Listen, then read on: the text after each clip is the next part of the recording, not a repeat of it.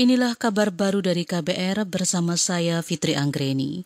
Presiden Joko Widodo memerintahkan jajaran kementerian dan lembaga hingga pemerintah daerah fokus pada beberapa sektor pemulihan nasional yang terdampak COVID-19. Jokowi menginstruksikan agar seluruh agenda prioritas nasional dievaluasi baik dari bidang ekonomi, pendidikan, hingga kesehatan. Tidak ada strategis, tidak hanya di bidang ekonomi, tapi juga di bidang-bidang mendasar yang lainnya.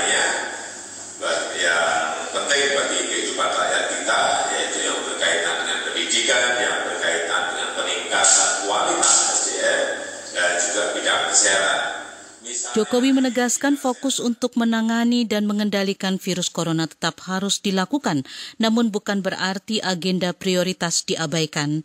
Dia mengingatkan agar jajaran di kementerian dan lembaga bisa bekerja secara paralel agar agenda prioritas di bidang ekonomi, pendidikan hingga kesehatan bisa berjalan tanpa mengendurkan protokol kesehatan COVID-19. Kota Surabaya masih menyumbang angka tertinggi jumlah pasien positif COVID-19 di Jawa Timur.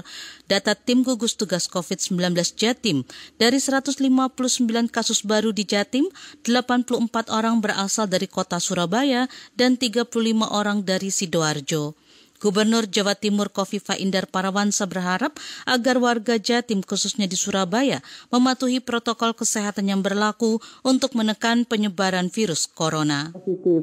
Jadi kota Surabaya hari ini 54,09 persen setara dengan 2.316. 2.316 ini Surabaya 54,09 persen, kemudian Sidoarjo. Gubernur Jawa Timur Kofifa Indar Parawansa mengaku telah mengantisipasi tren lonjakan pasien di Jatim dengan menyiapkan rumah sakit lapangan yang ada di Jalan Indrapura, Surabaya.